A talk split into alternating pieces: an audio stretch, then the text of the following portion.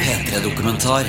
Det er såpass store smerter at jeg har lyst til å spy og få blodsmak i kjeften. og Det kjennes ut som noen tar en piggtråd rundt låret mitt og strammer til i hver ende, så det skjærer seg inn i både nerver og bein, kjennes det ut som. Her, vet du. You can see, Oi, oi, oi. you can look inside. Her var det mye planter. Det må være How big is the room? This room is about 75 square meters. Full av grønne, små planter. Noen store, de lengst borte er kjempehøye. Må jeg si, Jeg er jo veldig misunnelig når jeg ser alle andre gå, kan gå og hente medisinen sin på apoteket med en resept. og Det blir jo litt absurd når du tar en time, en og en halv times flytur, så er det en helt annen politikk, et helt annet syn på det. Et mer humant syn, kanskje. Et mer menneskelig, pasientvennlig syn. Smugling på resept er en P3-dokumentar som jakter på medisinsk cannabis av Vebjørn S. Espeland.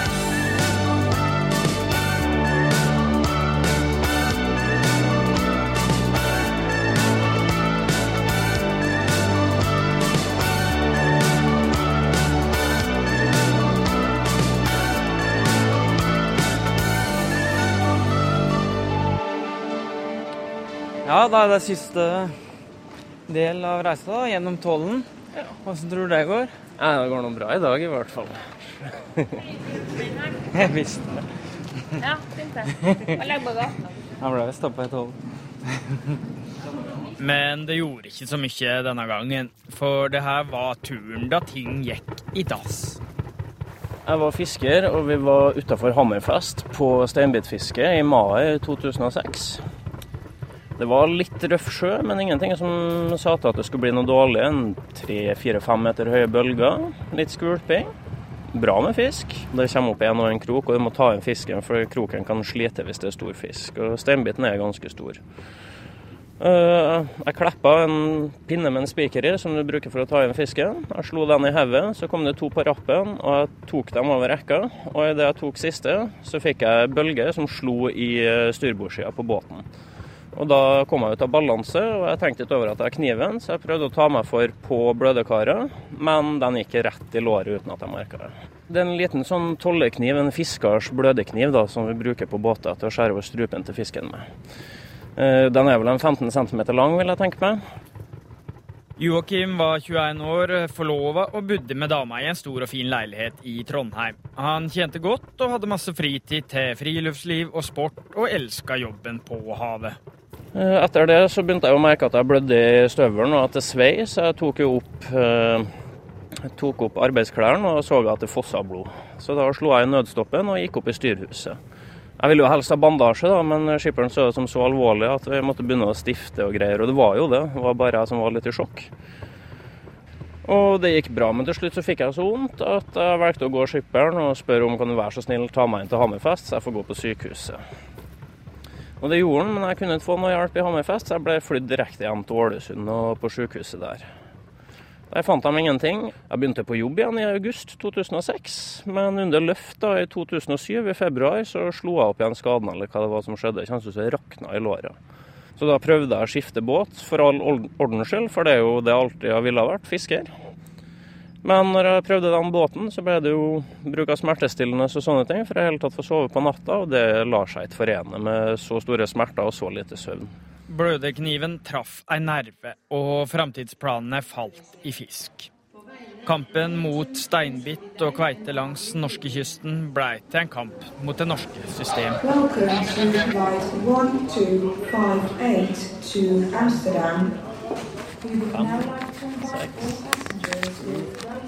På Gardermoen sitter Joakim og teller i mappa si. Til sammen så har han nå 276 dokumenter. Annet fra nåværende helseminister Bent Høie og tidligere helseminister Anne Grete Strøm Eriksen. Av narkotika etter forskriftens fjerde forbud. Dette innebærer imidlertid ikke et forbud mot bruk av lovlig ervervede narkotiske legemidler. Så du kan ha det så lenge det er lovlig, og det er det i Nederland. Ja. De fleste andre land i Europa enn Norge, England og Island. Og her har du med fra de, de mektigste folka i Norge, altså. Ja. De vet nå ikke hva de egentlig holder på med, virker det som, for da hadde jeg fått det på apoteket allerede i 2012. Det ja. Litt surt. Ok, nå flyr vi ned til Nederland. Så skal vi til eh, legen der og få resept, forhåpentligvis. Så skal vi innom et apotek som ikke nekter nordmenn å få tak i eh, medisinsk cannabis. Eh, Hva er oddsen for at det går i orden, tror du?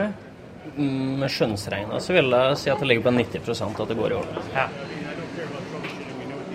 I vår så fikk tre nordmenn på tur beslaglagt 300 gram medisinsk marihuana da de ble stoppa av svenske tollere. Etter noen runder fram og tilbake så fikk de komme tilbake til tollen og hente cannabisen sin. Schengen-avtalen sier nemlig det at en fritt kan krysse grensene med lovlige legemiddel kjøpt på godkjente apotek.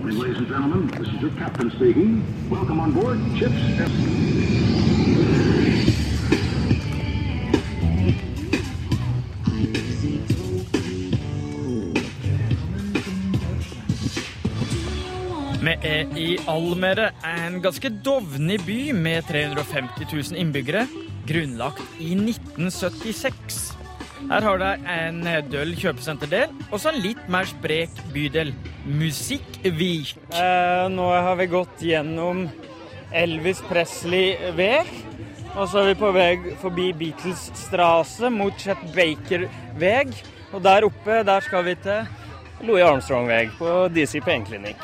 ja, Louis Armstrong. Eh, litt ironisk. Ja, veldig ironisk jazzmusiker som er kjent for å røyke jazztobakk. Hvor mange eh, sånne leger har du vært innom i Nederland? Det er fire eller fem. Er du spent nå? Åssen er det? Ja, alltid spent for en ny lege som du aldri har møtt før. Åssen gate er det her, da? Benny Gudmannstrasse.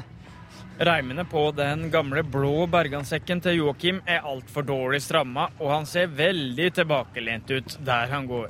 Han anslår at han er en av over 50 norske pasienter som reiser til Nederland for å hente medisin. Gjennom militæret så ble jeg veldig glad i å trene. Trene hver dag. Men jeg har jo ikke muligheten når jeg bare kan gå fem kilometer. Da. Kondisjonstrening på fem kilometer, da er du god. Virkelig. Hva skjer da? Da får jeg så vondt at jeg må legge meg ned på sofaen i et par dager før jeg i hele tatt kommer meg. Og det er såpass store smerter at jeg har lyst til å spy og få blodsmak i kjeften. og Det kjennes ut som noen tar en piggtråd rundt låret mitt og strammer til i hver ende, så det skjærer seg inn i både nerver og bein, kjennes det ut som. Det er veldig ubehagelig, og det påvirker nattesøvnen i utrolig stor grad, for du får jo ikke sove når du har så vondt. Hvor ofte kommer de smertene? De er konstant. Jeg har eh, mellom seks og sju på en visual analog scale, som de kaller en smerteskala, der null er ingen smerte og ti er verst tenkelig smerte. Jeg har enkelte lynsmerter i baksida av låret som får det opp til ti. Jeg blir veldig stillesittende da, og får ikke gjort så mye. Og det, det er ikke en situasjon jeg liker å være i. Jeg liker å være ute og være aktiv. Åssen medisiner har du prøvd, da? Jeg har fått Paralgin forte, jeg har fått Sarotex, Lyrica, så jeg har fått Lipidermplaster, som jeg fikk veldig bivirkning av. Og så fikk jeg noe som heter for kapsinatsalve, som er en chilikrem. Men det hjalp jo ikke i lengden. Her er Glenn Millers vei. Veg. Da nærmer vi oss vel.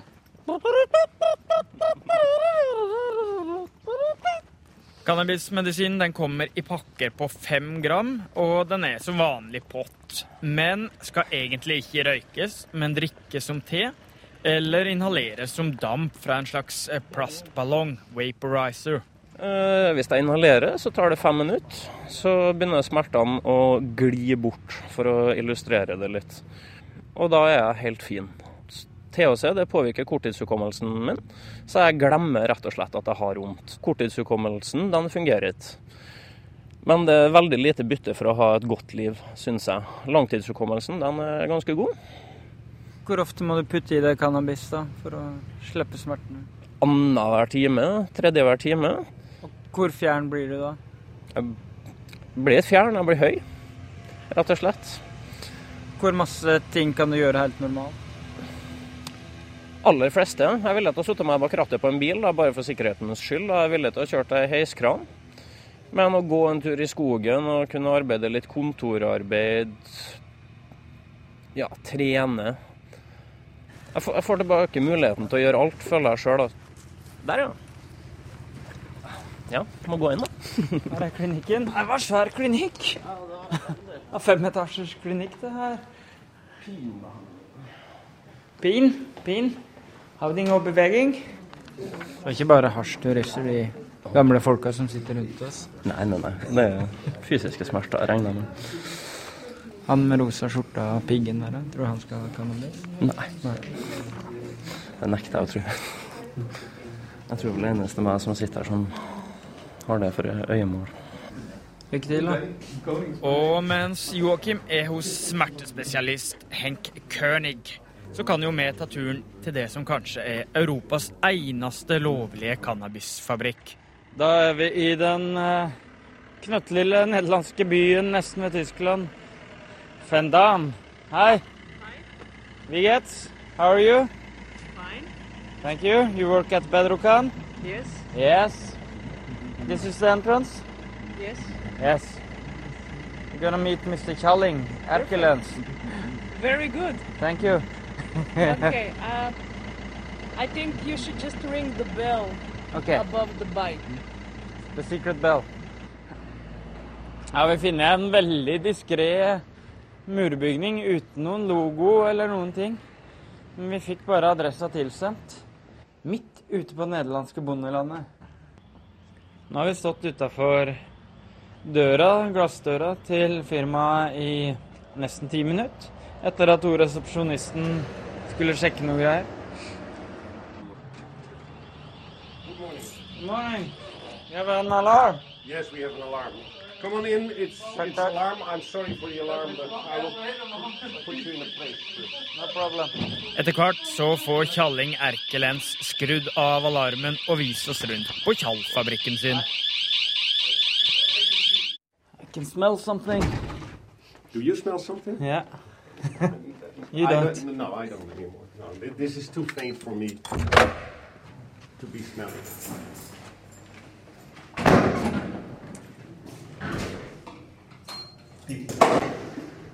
Her, vet du. You can see. Oi, oi, oi. You can Her look var det inside. mye planter. Yeah, Oi, this is oi, only vegetative production. Oi, oi, oi. Her er det et stort, stort rom. Det må være How big is the room? This room is about 75 square meters. 75 kvadratmeter. En vanlig, ganske stor hybel. Full av grønne, små planter. Noen store, de lengst borte er kjempehøye. Uh, over here, Her, ja. these Er det litt høye? They're taller. Yeah, these, this is a different variety. It's way taller. These plants, uh, it's the new variety. We are all Better Light doesn't contain THC. It only contains cannabidiol, CBD. Her inni den store salen, en sånn stor industrisal, 60 kvadratmeter, så har de kjempehøye This one is 60. hasjplanter. This one is 60. You're right. Kjempehøye hasjplanter som er helt uten THC, så dersom du røyker de, så skjer det ingenting.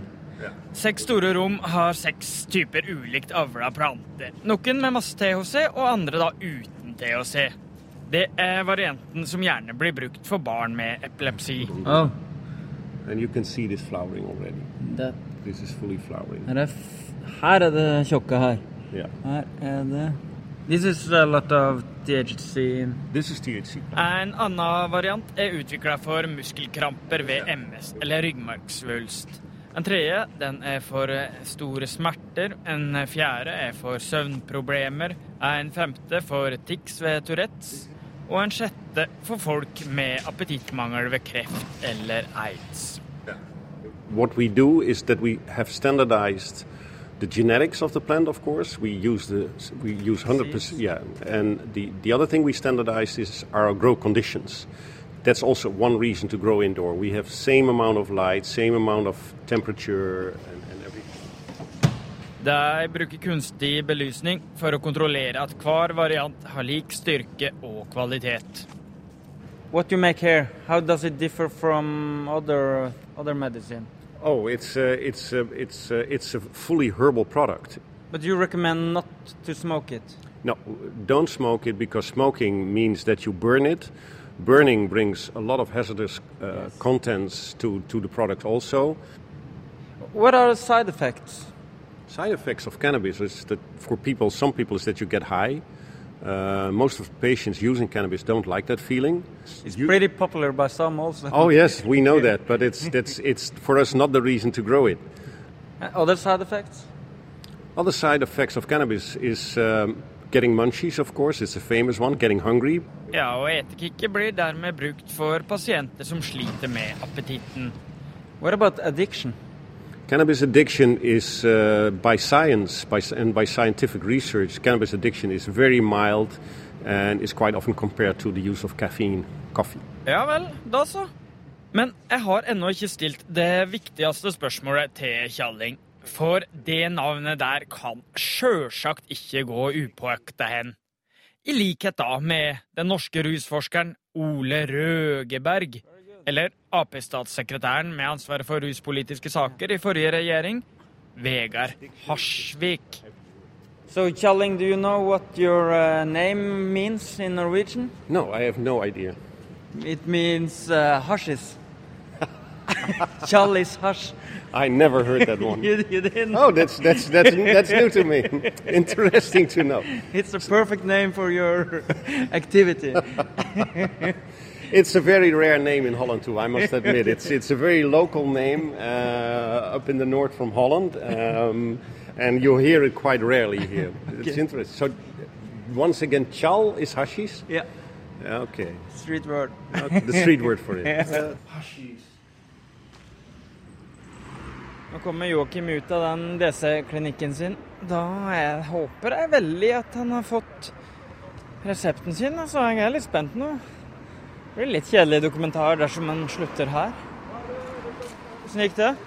Det gikk etter all forventning, men eh, dessverre så er det sånn at den nederlandske loven er forandra, så ingen utlendinger får lov til å ta med seg Bedrokan ut av Nederland på seg i person. Det må bestilles hjem til apoteket. Nei. Jo. Kjipt, da. Så, men jeg får en legeerklæring, og den legeerklæringa inneholder at Bedrocan er et optimalt smertestillende produkt for meg. Og Den får jeg på fredagen, og da skal jeg tilbake og få en ny type eksperimentell behandling med en injeksjon i ryggraden. Så jeg kanskje blir permanent bra. På fredag? På fredag. Her? Ja. Jøss, yes. skal det? Ja, klokka åtte på fredag morgen. Nei. jo. Spennende, da. Ja. Så det gikk jo over all forventning, da. Ja. Virkelig. Hva er det du skal få i ryggraden? Jeg skal få en blokkering av eh, jeg- Blokkering av nervesystemet og blodkarer, slik at jeg får mer blod til foten og ikke får så store smerter. Så det ser jeg nå fram til. Jeg håper på at det er en suksessfull behandling, for da slipper jeg jo å styre mer med det her. Men jeg syns det er rart at jeg ikke har fått det tilbudet i Norge, det må jeg jo ærlig talt si. Ja. Faktisk. Spennende. Og han legen her han sa det jo sånn at siden han ikke kunne skrive ut medisin, så var det bare å gå på coffeeshop. Det var nok av coffeeshoper i Nederland. Hva sa det? Ja. I morgen så har vi avtale med Kontoret for medisinsk cannabis i Den Haag. Ja. Kan du høre med de hva de ser om disse reglene. Ja, det vil jo være veldig interessant. Og hvordan norske myndigheter nå må gjøre det, da. Så jeg håper nå at jeg kan få det på mitt nærmeste apotek da, og få det på resept. Det er jo ikke noe tvil om at det finnes gode eh, kliniske undersøkelser som viser at cannabis er effektivt i forhold til en eh, ulik, rekke ulike ting. Jørgen Bramnes har et ganske vanlig navn, og han er forsker ved SERAF, Senter for rus- og avhengighetsforskning ved Universitetet i Oslo. Eh, både smerter og eh, ut, ulike utarmingstilstander som vi ser ved kreft, eh, og, og eh, også ganske effektivt i forhold til å dempe kvalme eh, eh, i forbindelse med cellegiftbehandling. Eh, Det er ikke noe tvil om at, eh, at eh, cannabis kan funke som medisin. Noe av det største problemet som cannabismedisin har, er jo at de klarer ikke å oppnå en, en, en medisinsk kvalitet på produktet. Altså, Hva skal til da for at det skal tilfredsstille de kravene? Nei, det er sånn, Da må du vite hvor mange milligram er av det, hvor mange milligram er av det, hvor mange milligram er av det.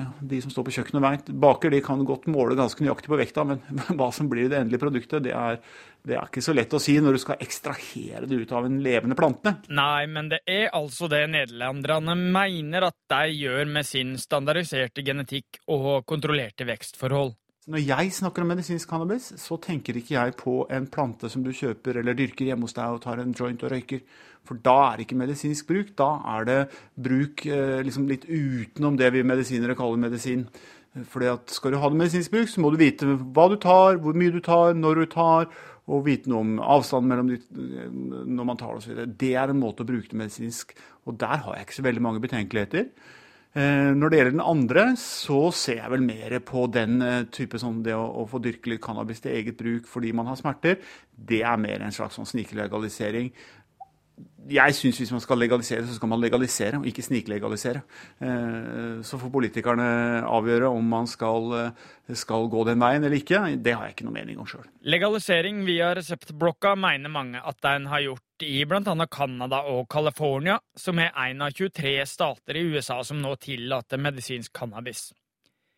Det finnes også kritiske røster som peker på den såkalte medikaliseringa, altså at hasjrøykere vil forsøke å skaffe seg diagnoser og resepter for mer vanlige problemer, sånn som søvnproblemer og uro. Men sånt gjelder vel kanskje uansett type medisin. Men sånn som nå, nå må vi gå ganske masse fra T-bane til klinikk, tilbake til T-bane, til apotek osv. Hvordan merker du det i låra? Nei, det går bra. Så lenge jeg har en plass å sette meg ned og ta meg en liten blås når det begynner å verke, så Hvis du ikke hadde sittet på coffeeshoppa? Nei, du måtte nå stukket hjem til noen, da. Hvis du har vært i Norge, f.eks. Jo, men her, nå, vi- nå er vi på disse turene. Nei, da måtte jeg bruke to uker, tror jeg. Sier På en tredagerstur. Ja. Det hadde ikke lot seg gjøre, ellers måtte jeg brukt en enorm mengde på taxi. Det er jo svindyrt med taxi i Nederland. Hvor mye cannabis var det i livet ditt før ulykka på fiskebåten? Minimalt. Jeg røyka i ungdommen. Ungdomsopprør. Det var ikke mange ganger før jeg var 18, det var kanskje fem ganger. Så fikk jeg bot i militæret for at jeg hadde THC i pisset mitt. Og da slutta jeg pga. hun jeg var forlova med, hun var ganske anti. Så da slutta jeg i en fire-femårsperiode. 2009-2010 så fikk jeg begynne å vite om medisinsk cannabis. og Etter det så begynte jeg å røyke på kveldstid. Hasj har jo ingen god effekt, det du får i Norge. Du får jo til å sove, men det har ikke den medisinske virkninga som det du får her i Nederland. Ikke på langt nær. Joakim har ingen store kvaler med å ta til seg forslaget fra smertespesialisten i Almere, Henk König, om å gå på coffeeshop. På plass å sitte, men det lukta desto sterkere her. Ja, god lukt. Her har du jo bong-kolleksjon og ferdigrulla jointer og masse papir du kan velge. Her har du jo Jo Nesbø står i hylla. Derfra, Police. Her har du meny òg, ja. Den koster 13 euro per gram. Så har den en vekt. Og bak disken på hasjkafeen 420 i Amsterdam så står det jaggu et mattegeni fra Trøndelag, Janne fra Stjørdal. Du hadde mastergrad i matematikk fra NTNU og underviste i matte på NTNU. Og så flytta du ned hit og begynte å jobbe i en coffeeshop. Det høres kanskje litt eh, merkelig ut, og det høres nok ofte ut som et veldig langt sprang. Men eh, det er overraskende mye som er likt mellom det å være lærer og det å jobbe i en coffeeshop. Eh, det er også en del sammenhenger mellom, eh, eller en del likheter mellom cannabis og matematikk. Vi må regne ut hasj, hasj gang euro. Gram gang euro. Ja, litt, litt småaritmetikk ligger det der, men, men det meste altså det ligger kanskje mer i det at både cannabis og matematikk er veldig misforståtte felt.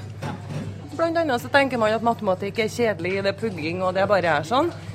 Den eneste vitenskapen der du kan forklare alt sammen ned til basisen. ikke sant? Og det er litt sånn med cannabis òg. Man går rundt og tror at det, det er narkotika, derfor så er det ulovlig, og ferdig med det. Og så hvis man begynner å tenke litt på, begynner å undersøke litt på hvorfor er det ulovlig, og hva er det som egentlig er kvalitetene til den planten, det er en plante, så blir bildet litt mer nyansert. Ja. Så når du står bak disken her i blomsterkjolen din og ser nederlandsk ut, og så driver du og deler opp blueberry og selger hasjkaker osv., hvor ofte opplever du at det er nordmenn som er innom? Titt og ofte at man uh, hører i en engelsk aksent uh, Can you give me uh, gram og blueberry? Uh, Fra ung til gammel, uh, og familier og vennegjenger og studenter osv. osv. Jeg har møtt voksne, både menn og kvinner, med, med, med tårer i øynene, som har sagt det at eh, jeg, jeg var ikke klar over at det kunne være sånn. Altså Hele livet mitt så har jeg gjemt meg. Nå er vi på vei til Office of Medical Cannabis for å finne ut om eh, du virkelig ikke har krav på resepten din? Ja, det blir jo interessant. Det er litt kaos der, for jeg snakker med to velrenommerte doktorer og psykiatere i dag, og de mener at uh, legene ikke har lov til å nekte deg det. For du er nesten påkjørt. Ja, men uh, Office of Medical Cannabis er øverste myndighet angående medisinsk cannabis i Nederland, så det er dem som har siste ord uansett. Fasiten? Ja. Sjøl om eh, Den Haag er en administrativ hovedstad, så er den ikke veldig grå. Også her så er det store torg med drikking, det er damer i glassbur og coffeeshops. Hos Helsedepartementet så har sjefen for Kontoret for medisinsk cannabis, Marco van der Felde, regelverket klart. Officially you have to you can obtain it here in the Dutch pharmacy, but you cannot take it over the border. That's illegal. I understand if you, um, as a patient, really needs the cannabis for its uh, symptoms or for the disease he has, he do all kind of things to obtain it. And I understand that completely. Cannabissjefen han har full forståelse og sympati for de pasientene som ikke kan hente medisinsk cannabis på apoteka hjemme hos seg sjøl, sånn som de kan i bl.a. Tyskland, Italia og Finland. Derfor kommer han med ei oppmodning til norske myndigheter. The, the authorities in, in, in Norway, your authorities have to, for instance, to make contact with us whether we can arrange something to, to make it available in Norway in, in, in, in a comparable way as we do it to other countries. We do not have any complaints from patients or from prescribers or from physicians. So I think that... No complaints on the side effect for No. 10 years? No, nothing. So I think that's that says that says enough.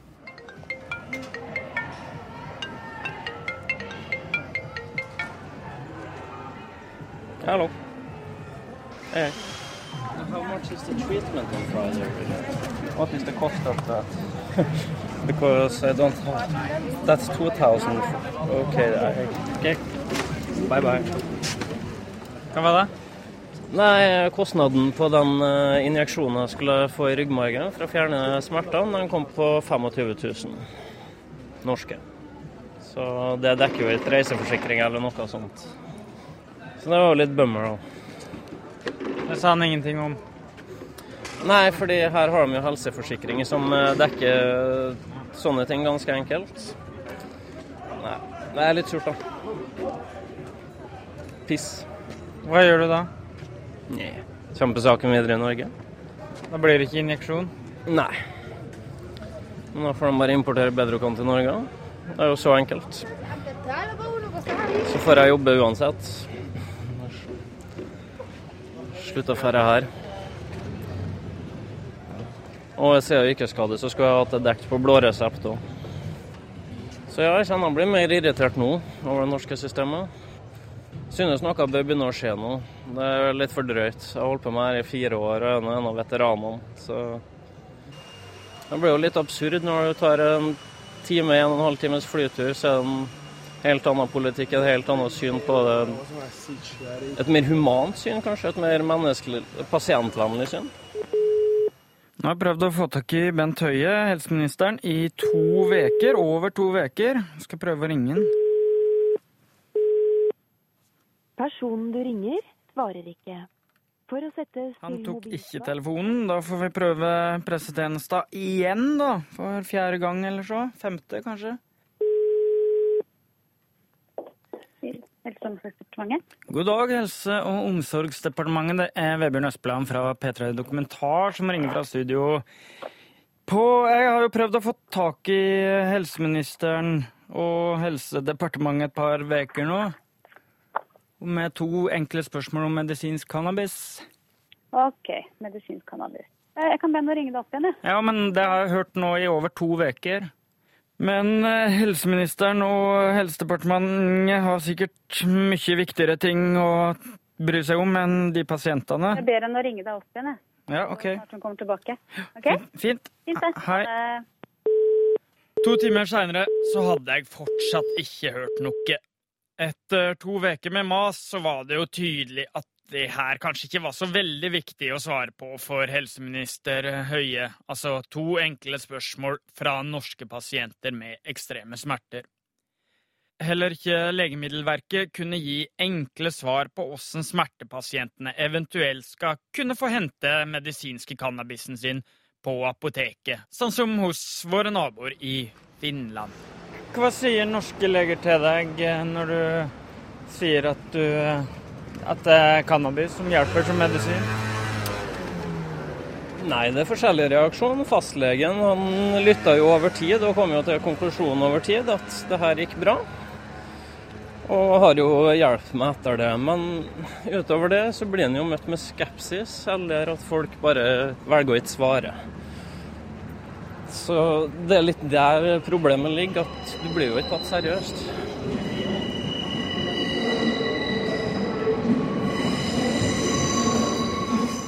Du, nå har vi jo reist sammen eh, noen dager. Du er ikke redd for at du eh, har hengt deg litt mye opp i cannabis som medisin? da? Så når vi begynner å snakke om 200 dokumenter med cannabis, så er det for mye cannabis. Men da burde jo også sjansen være der for at jeg fikk prøvd ut i Norge på en ordentlig måte. Og når, jeg har jo allerede prøvd ut i jobbsammenheng. Så ja, eller er det mye cannabis? Ja, jeg har hengt meg opp i det, selvfølgelig. Men det er fordi at du, du føler deg tråkka på. Du føler, deg, du føler at rettighetene dine er krenka. Er du, hvor sikker er du på at medisinsk cannabis er det eneste som kan hjelpe mot smertene dine? Nei, det er ikke jeg sikker på. Det kommer jo nye medisiner hele tida. Og jeg ser jo nå, slik som når vi var i Almere, på smerteklinikken der, der jeg fikk tilbud om den sprøyta. Selvfølgelig har jeg lyst til den, men jeg har aldri fått det tilbudet før. Og når vi drar ut og reiser og sånn, så er det også viktig å huske på én ting. De fleste medisinske marihuanapasienter kan du si Jeg vil tro i hvert fall. Det er kanskje uføre som ikke har penger, som sitter hjemme og har ikke muligheten. Og de jo, det er jo dem som har det ille, ille, ille. Det er jo jeg som sitter i den situasjonen og har det mest ille. Det er det ikke. Det er jo folk som flytter til Nederland. Etterpåklokskapens syn, når jeg fikk erstatninga mi i 2011-2012, så skulle jeg fulgt instinktet mitt og flytta nedover og etablert meg et bedre liv. Ja, jeg skulle ønske jeg kunne gå til en nederlandsk doktor hver dag eller hver uke og fått medisinen min, men realiteten er jeg er norsk statsborger. Jeg lever i Norge. Jeg ser på det som min rett å få tilgang til en så god behandling, jeg, når den er bevisst at den funker, da. Så, så det er den retten? Ja, som Einar Gerhardsen sa, gjør din plikt, krev din rett. Det, har jeg, det syns jeg sjøl jeg har gjort, i hvert fall gjennom fiskeryrket. og det var, det var jo sånn at jeg ville skade meg. Det var jo et hendig uhell. Jeg prøver bare å gjøre det beste ut av situasjonen etterpå.